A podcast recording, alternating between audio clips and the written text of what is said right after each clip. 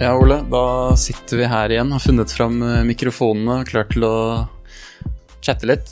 Ja, vi eh, har egentlig hatt en ganske kort og rolig uke etter Rådås. Ja, hva har du drevet med den siste uken?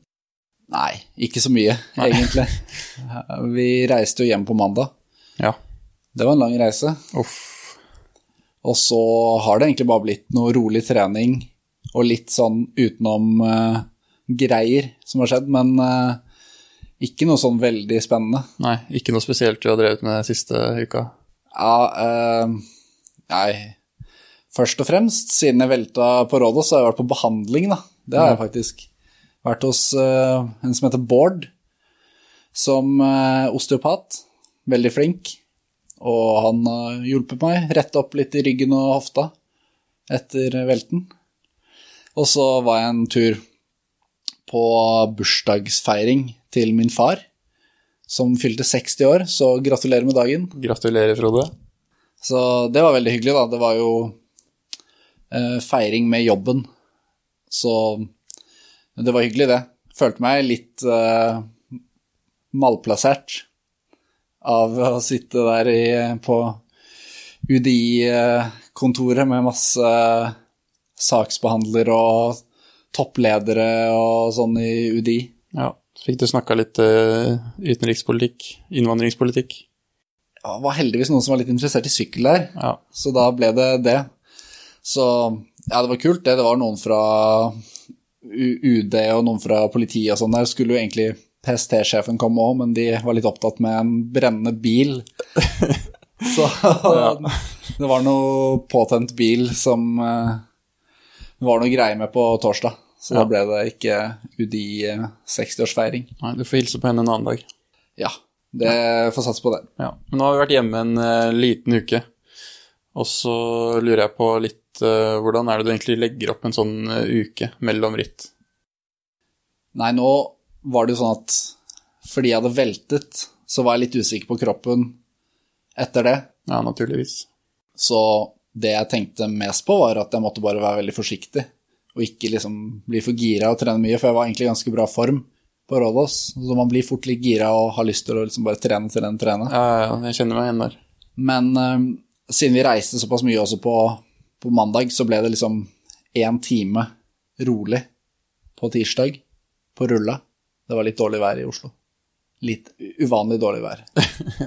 Så ja, eh, bare det. Og så gjorde egentlig ikke noe mer, prøvde bare å slappe av. Var på behandling før det, men utover det så var det ikke så mye som skjedde. Nei. På onsdag så hadde jeg en to timer på rulla, med noen eh, smådrag, typ styrketråkk og bare noen korte spurter. Ikke noe hardt, bare sånn veldig, veldig rolig. 300 watt, kanskje. Bare for å bare kjenne litt på hvordan kroppen føltes, og da var det greit.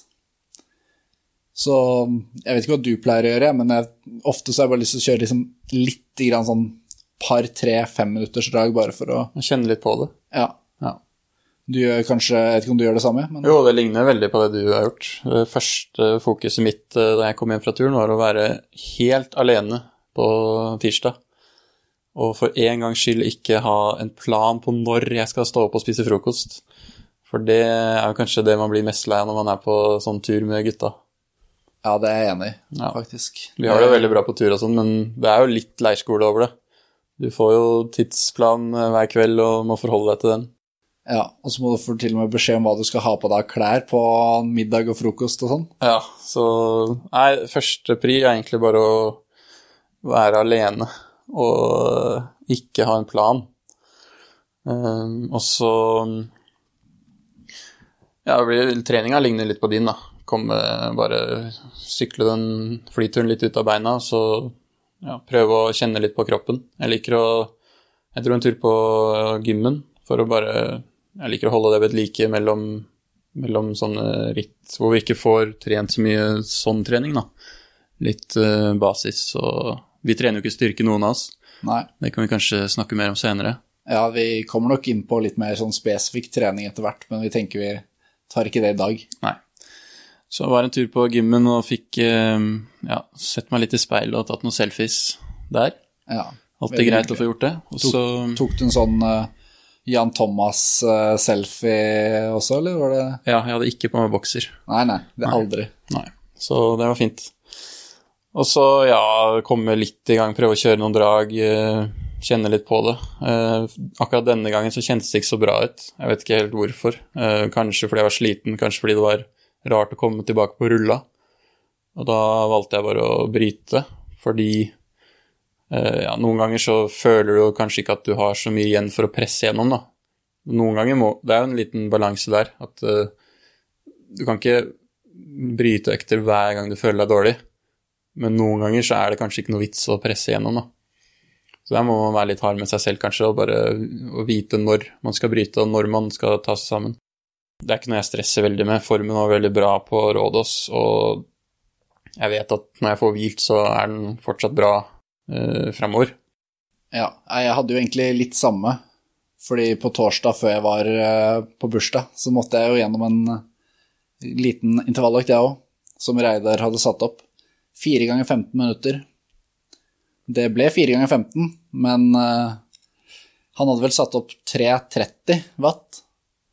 Og det ble 330 på første, men på nummer 3, 1, 2, 3, 4 så ble det 260-70. Ja.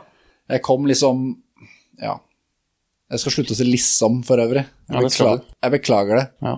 Moren min eh, kritiserte meg sterkt. Ja, og Hun skulle bare visst hvor mange liksom jeg har redigert ut av denne podkasten ja. allerede. Så. Og hvor mye, hvor mye, pusting. Det er litt meta, da. Det er litt artig. Men eh, jeg satt jo på flyet hjem fra Rådås, de tre flyturene, i litt sånn turbulens og ble litt sånn uggen, og forsøkte så godt jeg kunne å klippe bort din pusting i mikrofonen, Ole.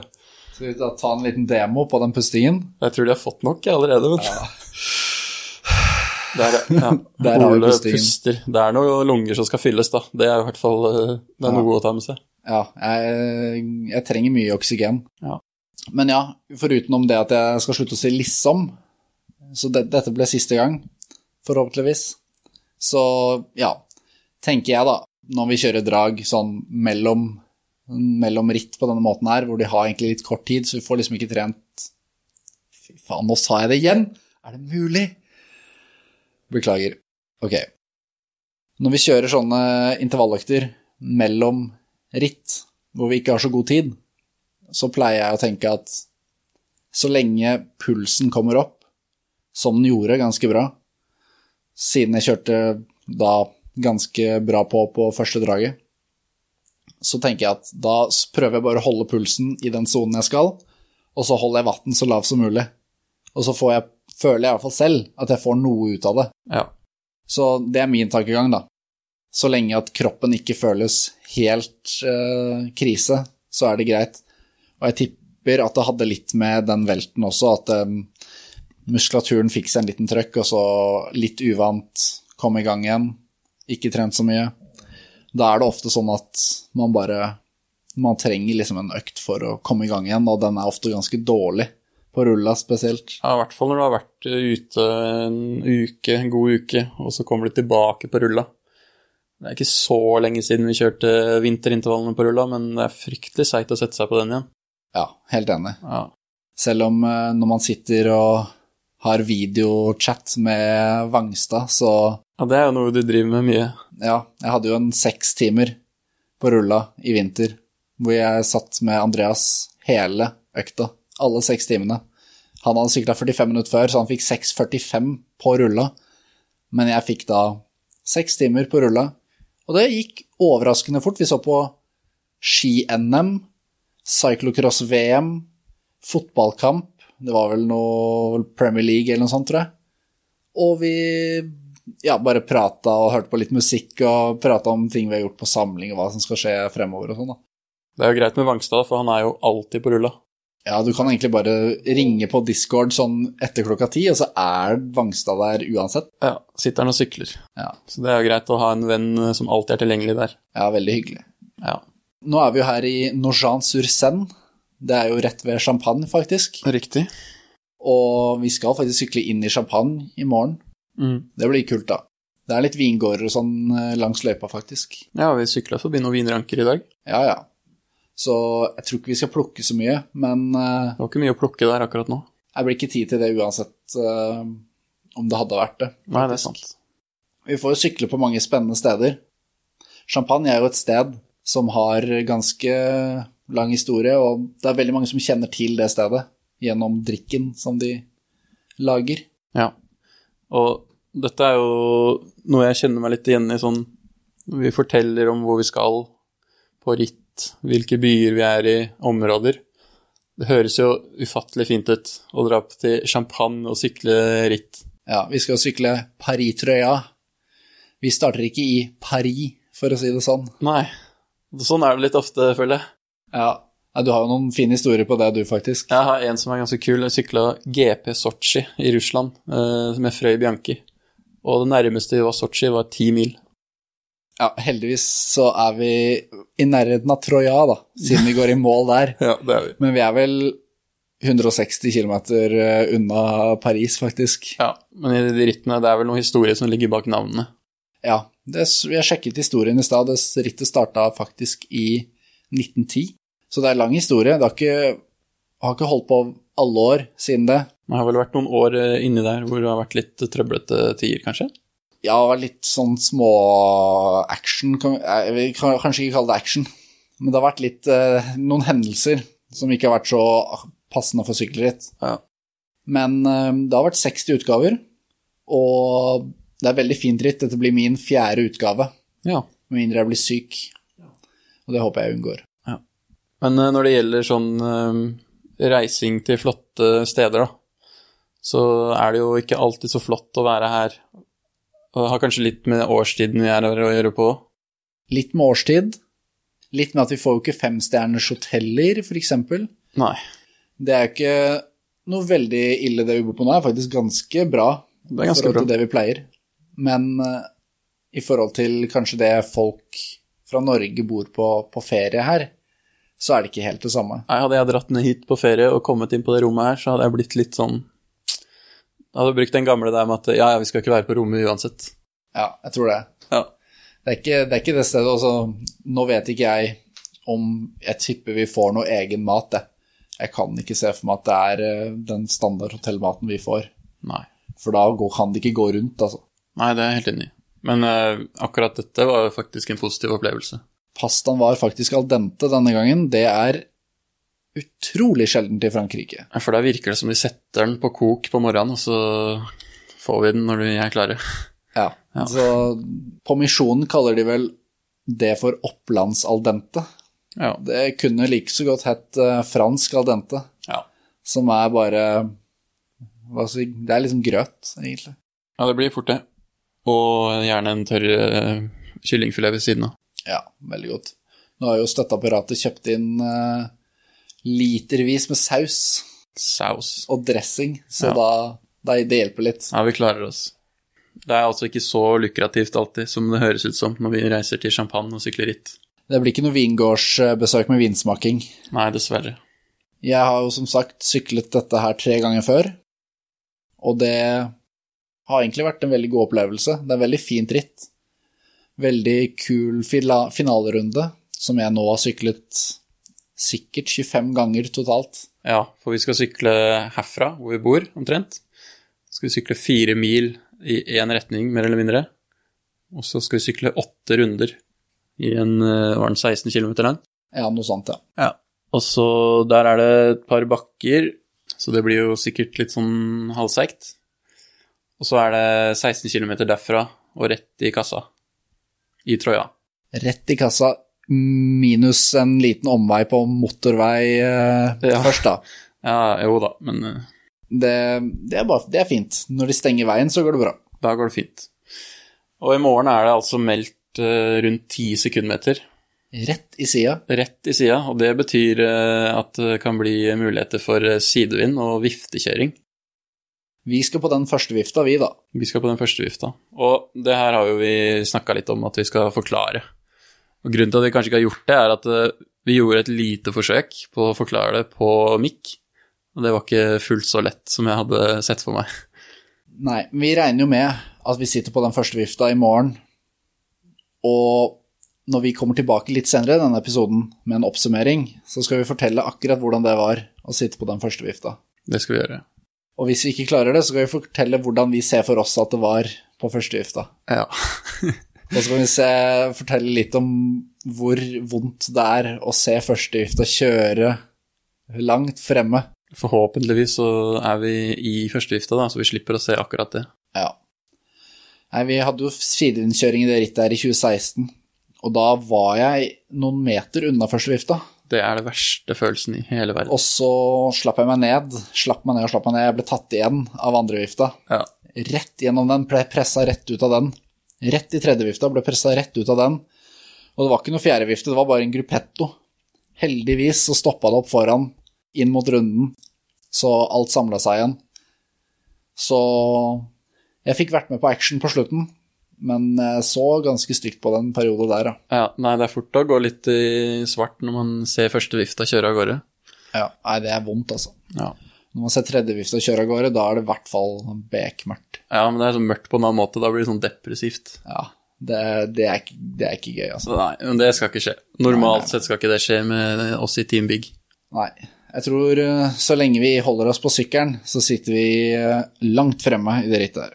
Ja, det skal vi gjøre. Og så Det er jo et par bakker der som er eh, ikke så bratte, men de kommer ganske tett, og det er sidevind imellom. Så det kan jo potensielt bli fryktelig hektisk til tider. Med Ja, kommer opp bakken i, på strek, kanskje, da. At eh, hele feltet strekker seg ut fordi det går så fort. Og så er det en litt eh, hissig utforkjøring gjennom en by, og så kommer du rett ut i sidevind, og så sprekker det opp, og så er det rett inn i ny bakke. Jeg tipper det blir eh, ganske hektisk og lite hvile. Ja, det løpet her, alle de tre årene jeg har vært med, så har det vært et sånt løp som er litt sånn rart. For det har vært knallhardt kjør hele veien. Sett ut som det skal gå grupper i, masse grupper inn hele veien.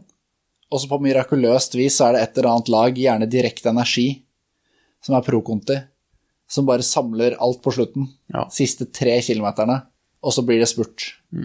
Og vi har jo med Bikkja fra Voiebyen. bikkja fra Voiebyen, som vi prøver så hardt vi kan å få døpt han om til. Ja, ja, ja. Jeg så Procycling hadde en artikkel hvor de kalte ham Hunden fra Voiebyen. Ja, og det, jeg vet at de hører på den podkasten her, og det må de bare rette opp med en gang, altså. Ja, det Herman var den første som sa det til meg, at det her er jo helt feil. Det Ja. her går ikke. Nei. Så, men han er med, og der er jo spurtkortet vårt. Ja, han må kanskje være litt kald, da, og satse på at det samler seg uten å sløse for mye krefter på støting og brudd. Han er jo fra Sørlandet, så han syns nok det er kaldt der uansett, så jeg tror det skal gå fint. ja. Men uh, vi andre må jo prøve å være på hugget så vi ikke havner på etterskudd, da. Ja. Og må ender opp mot uh, brudd uten oss. Vi har vel et par gutter her som er uh, har sesongåpning i dag, Ja. eller i, i morgen. Så for dem så blir det jo litt annerledes, men begge de skal være mer enn gode nok til å sitte med. Ja, Jeg tror det går veldig fint. Ja. Så når vi er tilbake her, så har vi eh, forhåpentligvis en eh, kul historie å fortelle fra rittet. Og eh, vi skal gå gjennom noen lytterspørsmål som vi har fått. Det blir første spalte i førstevifta. Og det er det mange som har ventet på. Ja. Så vi, eh, vi sykler, og så høres vi.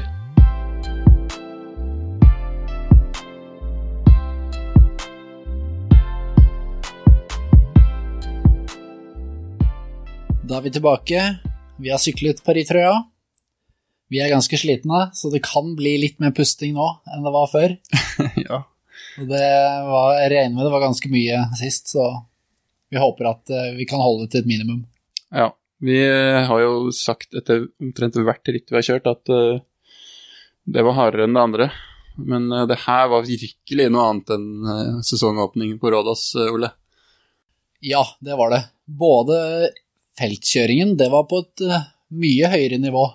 Vi snakket jo litt om det at proffritt så er det mye mindre marginer.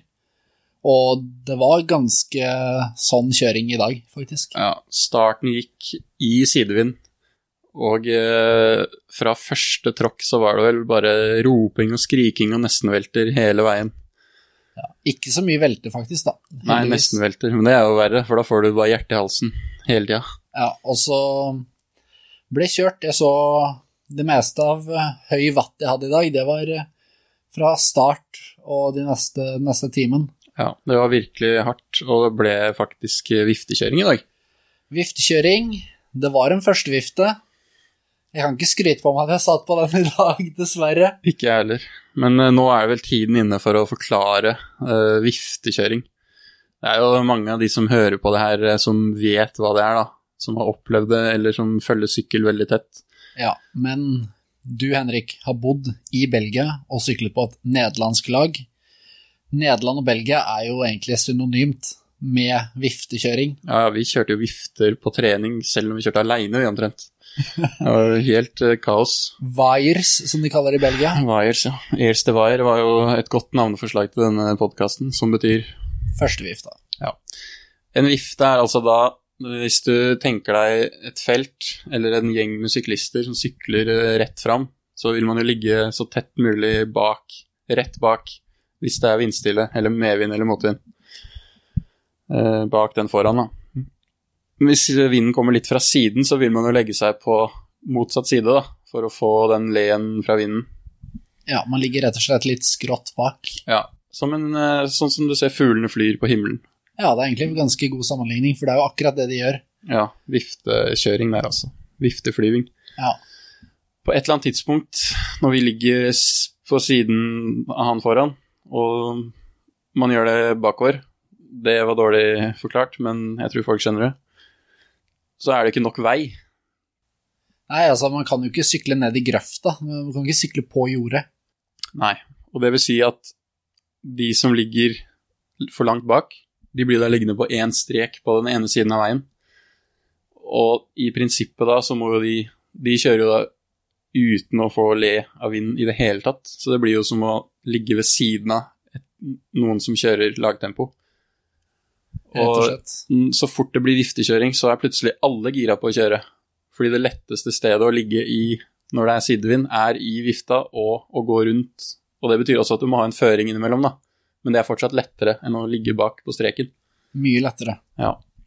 Og det vil si at da går jo farten betraktelig opp, og du kan banne på at en av de som ligger på streken, han orker ikke mer ganske fort.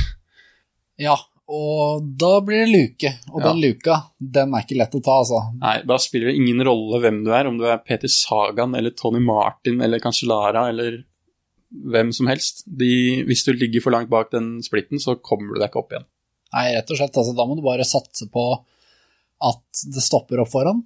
Ja. Eller det som da er den beste løsningen, er jo rett og slett å svinge ut til da, hvis vinden kommer fra venstre, helt til venstre i veien, og lage en ny vifte bak første vifta. Ja, for hvis det er 20 mann i første vifta, og 20 mann lager en ny vifte bak, så kan jo egentlig den eh, vifte nummer to ligge fem meter bak første vifta og kjøre like hardt.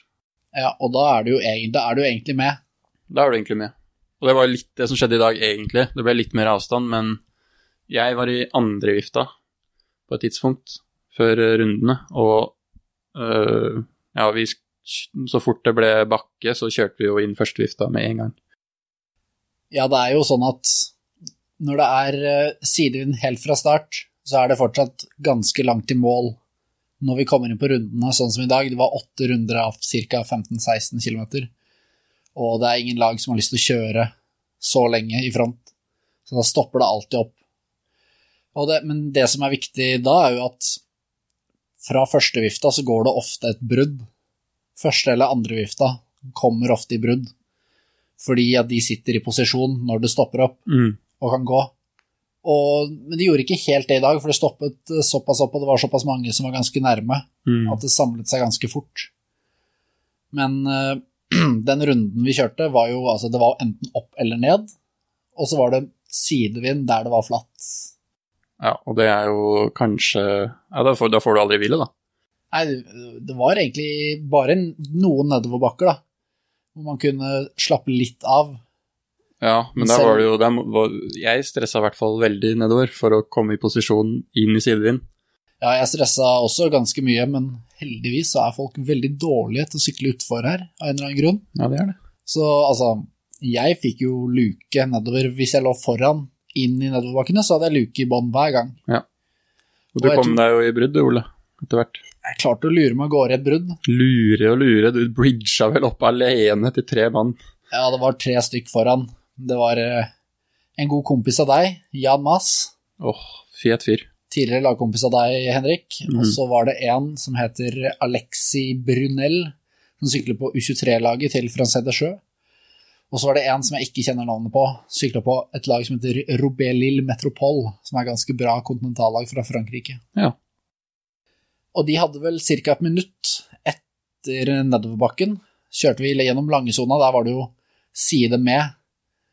Så der var det rett og slett altså, jeg, to, jeg tror jeg tok én flaske. Heldigvis fikk jeg den, men det gikk jo sikkert i 50-60 på den flata der når vi tok langing. Ja, den langesonen var litt hissig.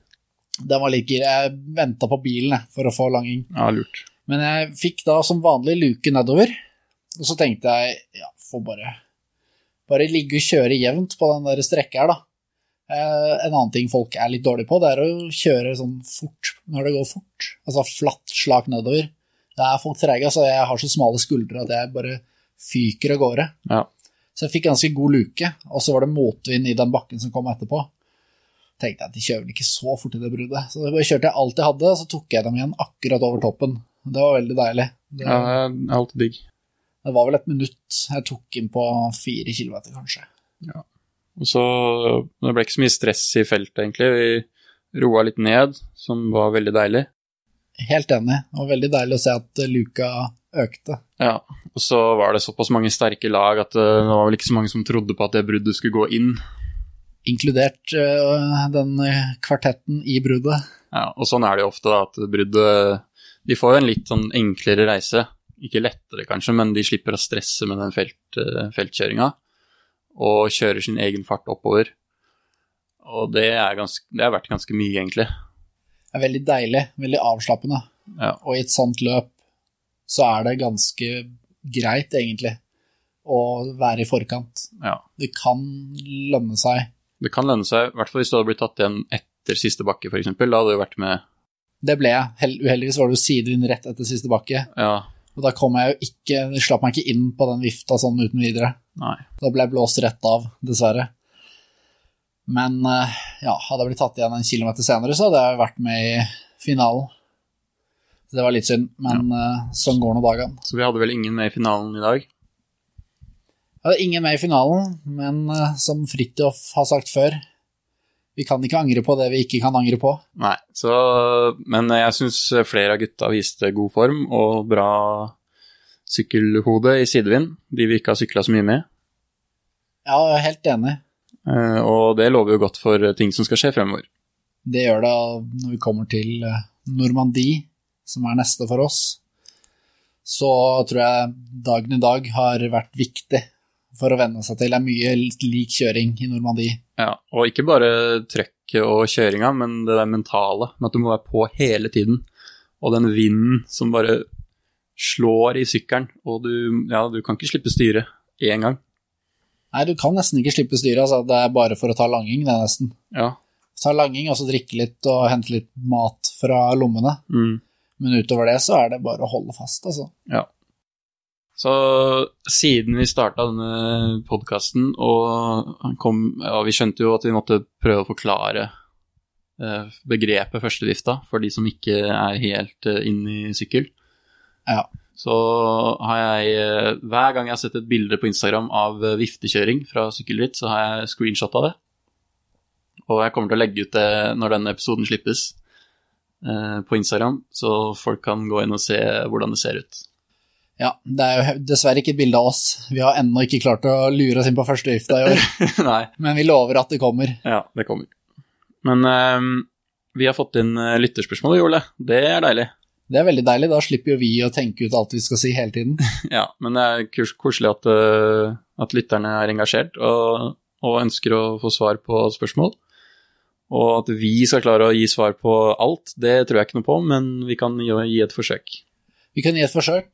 Vi kan også si at eh, hvis folk er litt redde for å sende inn fordi de har lyst til å være anonyme, så er det bare å skrive det, så skal vi holde anonymiteten eh, ved like.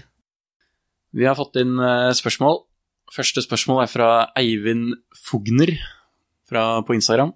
Ja, han sykler i Rye, tror jeg, min tidligere klubb. Ok. Så han hadde i hvert fall en Rye-drakt på på bildet sitt på Instagram. Så da han lurer rett og slett på hva spiser dere før ritt? ett ord carbs. Ja, det er vel det som går igjen. Ja, vi har jo hatt eh, ernæringsfysiolog på siste samlingen før eh, sesongen. Det hadde vi i fjor også, samme fyr. Veldig flink kar som heter José Areta. Argentiner. Har jobba med Team Sky, faktisk. Ja. Og det som går igjen der, er rett og slett at man må spise mye carbs. Ja. Og da mener jeg mye. Mye mer enn det du tror. Ja. Og du må, liksom, du må være nøye. Du kan ikke spise ting med litt fett og protein. Det er sånn ett egg, det holder til frokost, og så er resten bare så mye ren karbohydrat som du får til. Ja, og ja, det er ikke bare å spise mye carbs, men vi må vi- Altså, rett før ritt så, så kutter vi gjerne ut ting som fett og proteiner. Ikke kutter ut, men eh, minimerer det litt, da. Ja, også fiber. Ja, og det er jo for at kroppen skal kunne ta nyttiggjøre seg av karbohydratene raskere, uten forsinkelser. Rett og slett. Ja, så det er egentlig det vi gjør. Eh, og det er ikke det vi gjør når vi er hjemme og trener, for da hadde vi spist uh, sjokopops og, og gitt ris til frokost hver dag, så tror jeg ikke Jeg hadde ikke hatt så bra med meg selv, i hvert fall. Og jeg tror ikke vi hadde blitt så sunne mennesker heller. Nei, jeg tror ikke det er å anbefale, så dette er noe vi kun gjør dagen før, eventuelt de siste to dagene før, hvis det kanskje er etapperitt, f.eks. Ja. Men ellers så blir det mye vanlig mat. Og gjennom et etapperitt, for å si det veldig kort, så er det protein rett etter målgang, og litt sånn til middag, f.eks. Men ellers så er det mer eller mindre bare ris eller pasta. Ja. Og ikke fullkornsvariantene. Det er hvit ris og så hvit pasta som du får. Ja, og det Jeg må innrømme at når jeg kommer hjem fra f.eks. Tour de Bretagne, sju dager i Frankrike, føler jeg meg ganske råtten. Ja, det er ikke bare på grunn av at vi har syklet syv dager med full gass heller. Det, det er liksom en rar følelse så når du får i deg vanlig mat igjen. Ja. Det er deilig. Ja, det er mange som tenker at vi, det første vi er keen på når vi er, er ferdig med et sånt ritt, er bare rett på Mækkern og spise burger, men faktisk, når vi kjører så hardt på carbsa, så er det digg å bare komme hjem og spise salat liksom, og frukt. Ja. Du må ha noe mer i den salaten, i hvert fall rett etter Tour de Bretagne, men, Ja, eh, men eh, altså Mat som bare er noe annet enn rent karbohydrat, det, det får man en ny eh, forståelse for altså, etter, eh, etter et sånt uh, tapperitt. Ja. Så jeg håper eh, Eivind F fikk eh, svar på spørsmålet sitt der. Ja, det håper vi. Neste spørsmål er fra Christian Bergsjø. Veldig hyggelig fyr, det. Trent av samme person som oss, Ja. Reidar Borgersen. Så da vet vi at han kommer til å bli bra. Ja, det er vi helt sikre på. Han var jo på råd også. Sykla bra der, faktisk. Ja, han var sterk. Han eh, lurer på om vi har noen tips til unge ryttere, og skrev vel også at uh, f.eks. juniorer som går til senior.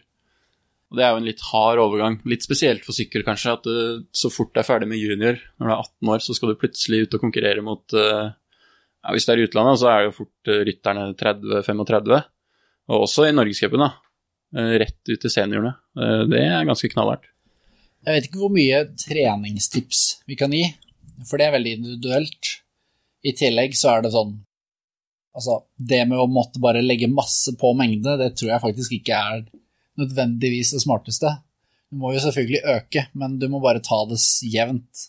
Du kan ikke bare gå opp masse, liksom høre hva Du kan ikke høre hva de andre seniorene som har vært det i mange år, gjør, og prøve å etterligne.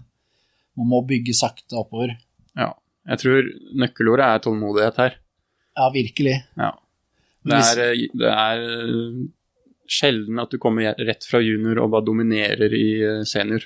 Ja, da har du gjerne noe spesielt. Da er det ikke nødvendigvis at du har trent perfekt eller spist perfekt eller gjort Da har du et eller annet ekstra. Ja. Vi ser jo, vi har jo en lagkamerat, Søren Wernskjold, som Ja. er førsteårssenior i år.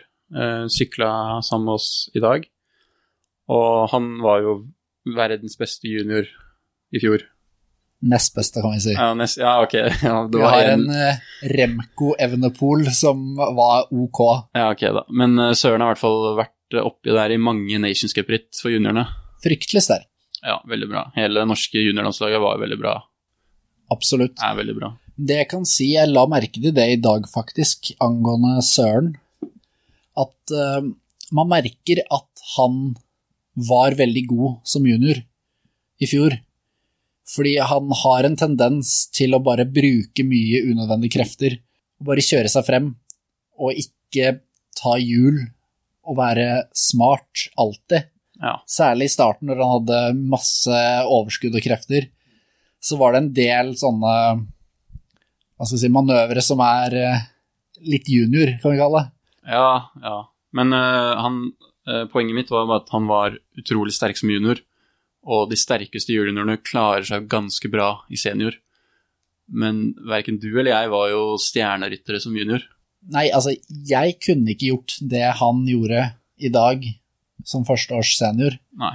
men jeg har jo noen år på baken i seniorklassen, så jeg har lært det at eh, løpene er lange, og man, eh, man kan bruke krefter tidlig, men man må bruke krefter på en måte man får mye igjen for. Ja. Og det å ta plasser eh, på siden av feltet og spurte seg frem og tilbake og rundt omkring, det koster krefter i lengden. Ja, jeg husker jo spesielt godt eh, de rittene hvor vi nærma oss kanskje 200 km, da. At det er et lite annet trøkk på de voksne seniorene da. Man ser jo det at vatten er egentlig ikke så høy i slutten av ritt, men de har den vatten.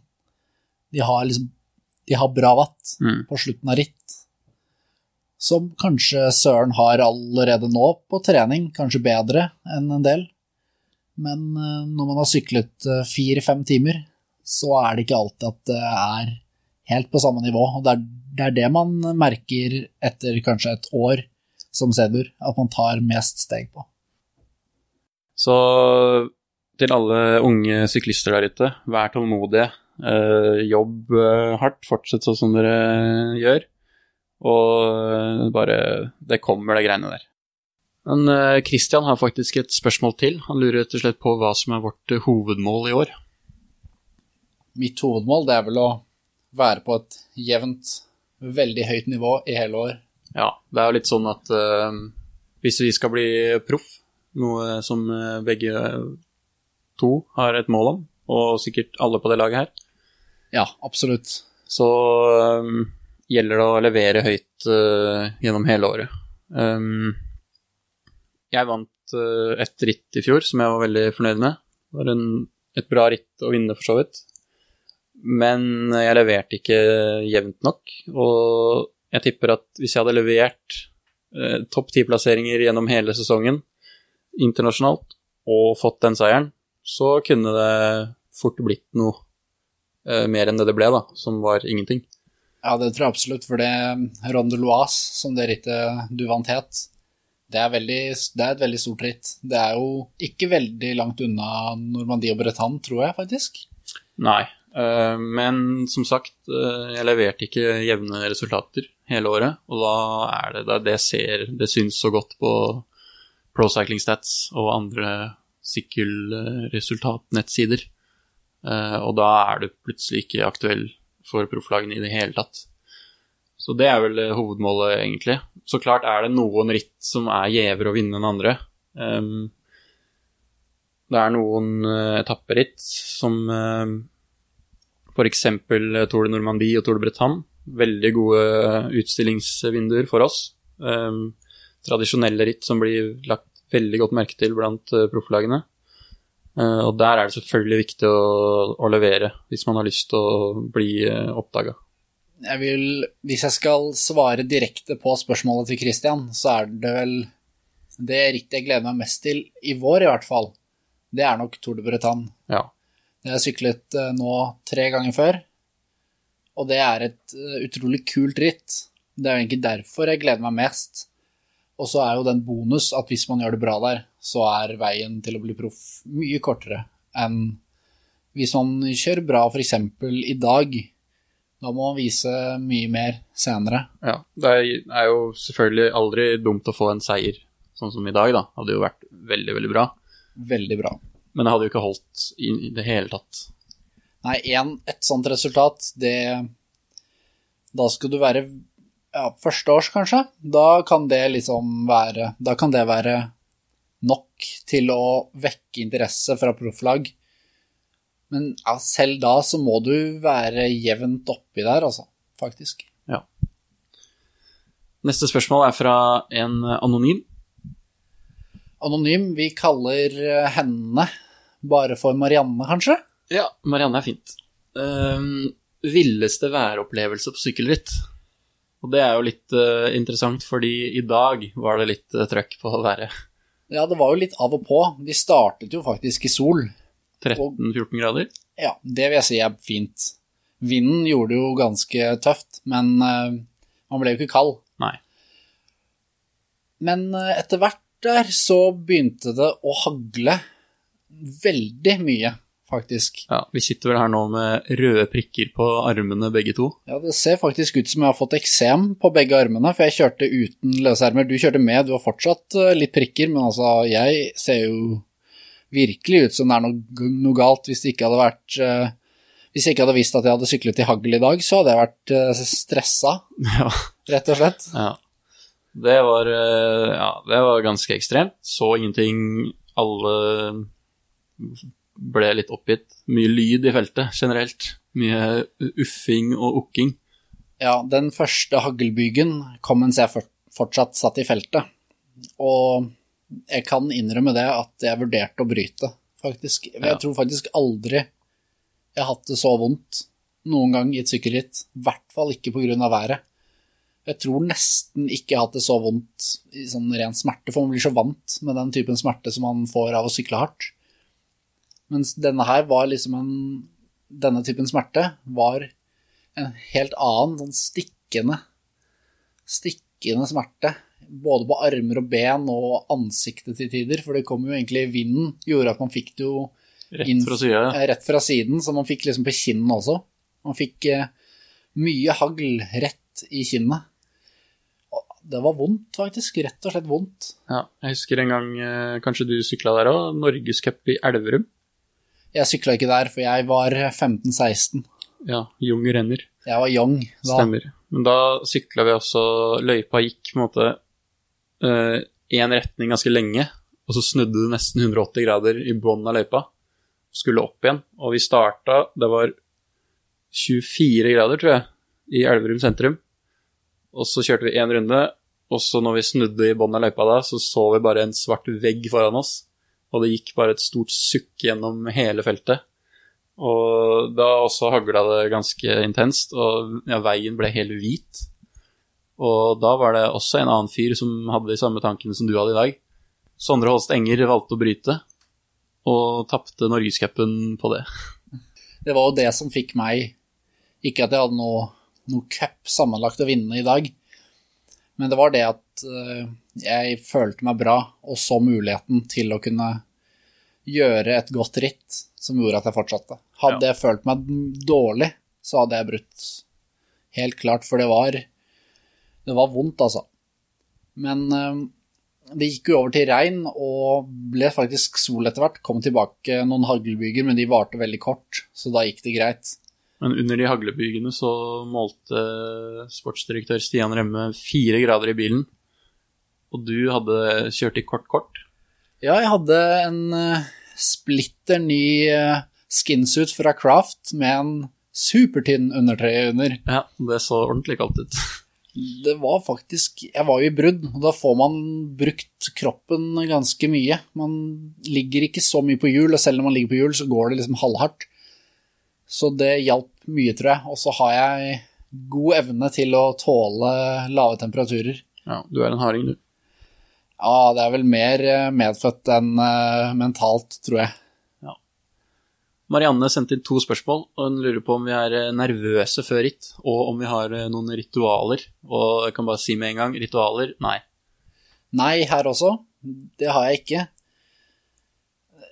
Hvis man kaller det å spise mye carbs et rituale, så er det et rituale. Men det ser jeg mer på som en nødvendighet. Ja. Eh, når det gjelder om vi er nervøse før ritt, så varierer vel det litt. Ja, jeg tror det rittet jeg var mest nervøs for, det var eh, Flandern rundt for U23 i 2017. Da hadde jeg kjørt veldig bra i hele mars. Dette var i starten av april. Og jeg følte på meg selv at jeg kunne potensielt vinne det rittet, hvis alt gikk veien. Og da slet jeg veldig med å sove natten før. Det er nok kanskje det mest nervøse jeg har vært før et ritt. Men det er selvfølgelig mye mer nervøs når man er yngre, og det, det var jeg òg. Men det, det dabber veldig av etter hvert. Ja, da jeg var uh, ung og lovende, så gikk jeg på ski, eller drev med skiskyting. Og da, før uh, skirenn, så var jeg ikke til å snakke med. Jeg klarte ikke å spise, jeg var sur. Jeg fatter ikke hvorfor jeg gadd å holde på med de greiene der. Og noen ganger så gikk det så langt at jeg kasta opp før start, for jeg var så nervøs. Og hva jeg var nervøs for, det aner jeg ikke, for det var jo bare å gå, ski, gå på ski og skyte. Det gjorde jeg jo nesten hver dag. Ja, det er et eller annet med det. Jeg vet ikke hvorfor man blir så nervøs når man er ung. Man blir vel mer rutinert og erfaren etter hvert, og da skjønner man at det er ikke så mye å være nervøs for, egentlig. Kanskje går, frykten for å ha det vondt, jeg vet ikke. Er man, er man god, så går det som regel bra uansett. Ja, ja, det gikk jo alltid bra. Men um, jeg husker da jeg begynte å sykle også, var jeg ganske nervøs før sykkelritt. Jeg har kasta opp et par ganger, men uh, det gikk fort over. Um, og nå kjenner jeg ikke på det samme greiene i det hele tatt. Ja. Jeg husker også når jeg var 15-16, da var jeg en såkalt elendig syklist. Særlig når jeg, det året jeg var 15, første års 15-16, da var jeg fryktelig dårlig. Og da var det jo noen gutter som var, eller i hvert fall så ut som de var eh, utrolig rutinerte, med glinsende legger og skikkelig opplegg. Da ble, da ble jeg ekstra nervøs av det, og så var det en fyr i gul drakt med grønn Cadillac-hjelm som raget to meter over bakken. Og det var, det var, skummelt å se på start, når du var en liten pjokk på noen og 60 kilo selv. Ja. Jeg var 1,85 høy, men jeg veide jo sikkert 65 da. Mm. Jeg tror jeg vet hvem du snakker om. Det kan ha vært eh, min makker her på podkasten, det. ja. Og stolt av den grønne hjelmen der. Ja, Gul Eidsvoll-drakt og grønn uh, Tour de France spurtre Cadillac-hjelm. Det er et bilde av meg ute på nettet med grønn hjelm, gul Eidsvoll-drakt, Bianchi-grønn sykkel, som ikke var samme som uh, hjelmen, selvfølgelig, og røde skotrekk. Vakkert. Det er vakkert. Følte meg rå. Rett og slett vakkert. Det er det Jeg husker så godt de greiene der. Men uh, selv da var det ikke så mye å være nervøs for, for jeg visste at jeg falt jo av i første beste bakke uansett, så hvordan løpet skulle gå, det var ikke så mye å tenke på. Det var bare å kjøre solo tempo bak feltet eh, til mål.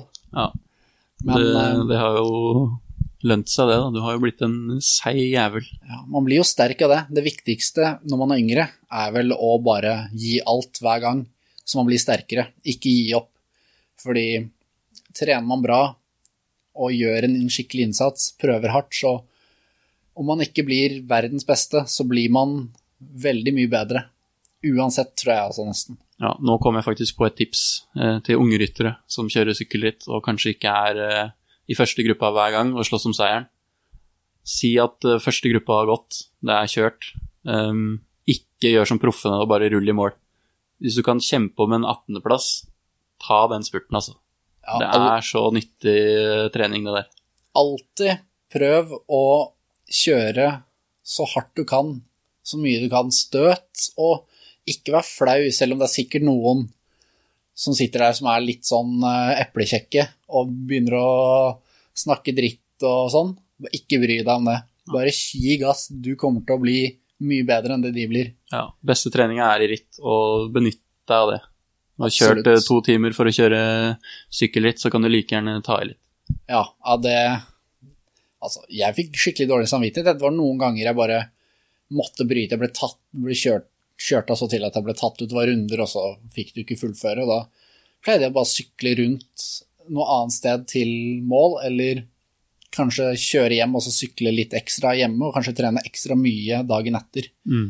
for å få ekstra trening. fordi hvis du må bryte av en eller annen grunn, du kunne ikke gjøre noe for det på et ritt, så da har du jo ikke fått den treningen du egentlig skulle få den dagen. Så da må du nesten trene mer dagen etter, da, hvis du skal ta igjen. Riktig. Siste spørsmål er fra en Mr. Henning på eh, Instagram. Høres ut som en veldig staselig kar, det. Ja, Nydelig fyr. Han eh, er faktisk eh, regjerende kretsmester i romaskinstafett, så det er ikke dårlig. Såpass, ja. Det er jo det er sterkt. Romaskin er jo knallhardt. Ja, ja, han drar hardt i årene, han. Ja, det må han jo gjøre. Det her høres ut som en skikkelig beinhard fyr. Ja, han er for øvrig min far også, så hyggelig med litt eh, støtte fra familien her. Ja, Hvis genmaterialet er likt, så regner jeg med at han er ganske rå på romaskin. Ja. Ja, jeg gjør skam på genene til uh, faren min. Han var jo en uh, otosnapper av rang, og jeg, her sitter jeg og detter av feltet. Ja, altså, jeg har jo møtt din far, og han, han er en ordentlig, ordentlig kul kar, han der, altså. Ja, Rett og slett, det må jeg si. Han er fet. Fet fyr. Han lurer på hva dagens definitive høydepunkt var. Og det kan vi jo ikke nevne i sammenheng med sykkelbiten. Nei, det var ikke Det var gøy å sykle ritt, men jeg tror for de aller fleste var nok det beste å gå av sykkelen og gå inn i vår splitter nye Fuel of Norway-buss, som Fuel of Norway har vært så utrolig hyggelig å la oss få bruke. Ja, det er utrolig kult. Um, vi har altså fått en diger buss som er innreda til et, sitt sykkelbruk. Uh, to dusjer og god, god plass til å skifte. Kjøkken og musikkanlegg. Ja, vi har jo fått en utrolig hyggelig polsk bussjåfør også, som heter Arek. Nå har vi jo to i støtteapparatet her som heter Arek. Det er Arek og Arek Buss, Ja. har vi funnet ut. Ja. Arek Mekaniker kom inn først, så han får lov til å hete Arek. Men uh, Arek Buss han er jo en kjernekar, rett og slett. Jeg ja. ikke, møtte ham ikke før i går, men han har gjort et utrolig godt inntrykk. Jeg er allerede en del av laget, så det er kult. Um, nå skal det sies at det er ikke så kult å komme i mål og gå inn i en diger buss, akkurat som det var Team Sky, når du ikke har noen topp 20 engang. Nei, men det var like fullt veldig deilig å gå inn i den dusjen når vi var eh, i hvert fall en del av oss var utrolig kalde. Ja, jeg var iskald, og ja, den dusjen var god. Å slippe å stå ute i kulda og skifte, eller å dusje i uh, fellesdusj sammen med hele feltet, det var digg. Ja, og den, den bussen, den setter vi utrolig stor pris på, og vi gleder oss til å bruke den i hele denne sesongen. Ja, Fridtjof Røynås, eh, hei hei, han eh, sa vel at i procycling at uh, på spørsmål om buss var viktig, så sa han nei, men det er utrolig digg. Det stemmer. Ja, Uh, men buss kan faktisk være ganske viktig.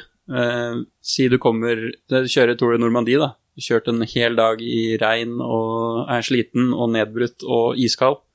Og da komme inn der og kunne dusje med en gang, istedenfor å bare skifte til tørre klær, sette seg i bilen og kjøre til hotellet, som kanskje er halvannen time unna. Det kan faktisk være en eh, stor fordel. Ja, det kan være forskjellen på å holde seg frisk og det å bli syk, det. Ja. Så buss eh, er faktisk ganske viktig, Fridtjof. Det er ikke oppskrytt. Nei, det er ikke det, altså. Og så er det jo utrolig digg, da. Utrolig digg. ja. Så det var eh, det vi hadde. Vi har fått Det var ikke alle spørsmålene som kom med akkurat i dag. Men vi skal love å svare på alle spørsmål enten her eller på melding. Eh, Fortsett å sende inn eh, spørsmål til oss. eh, Forslag til spalter og annen feedback. All feedback er veldig god feedback. Godt sagt. For å avslutte med et nytt Fridtjof-sitat. I dag var en dag. Takk for oss. Vi ses til neste gang. Ses og ses, vi høres.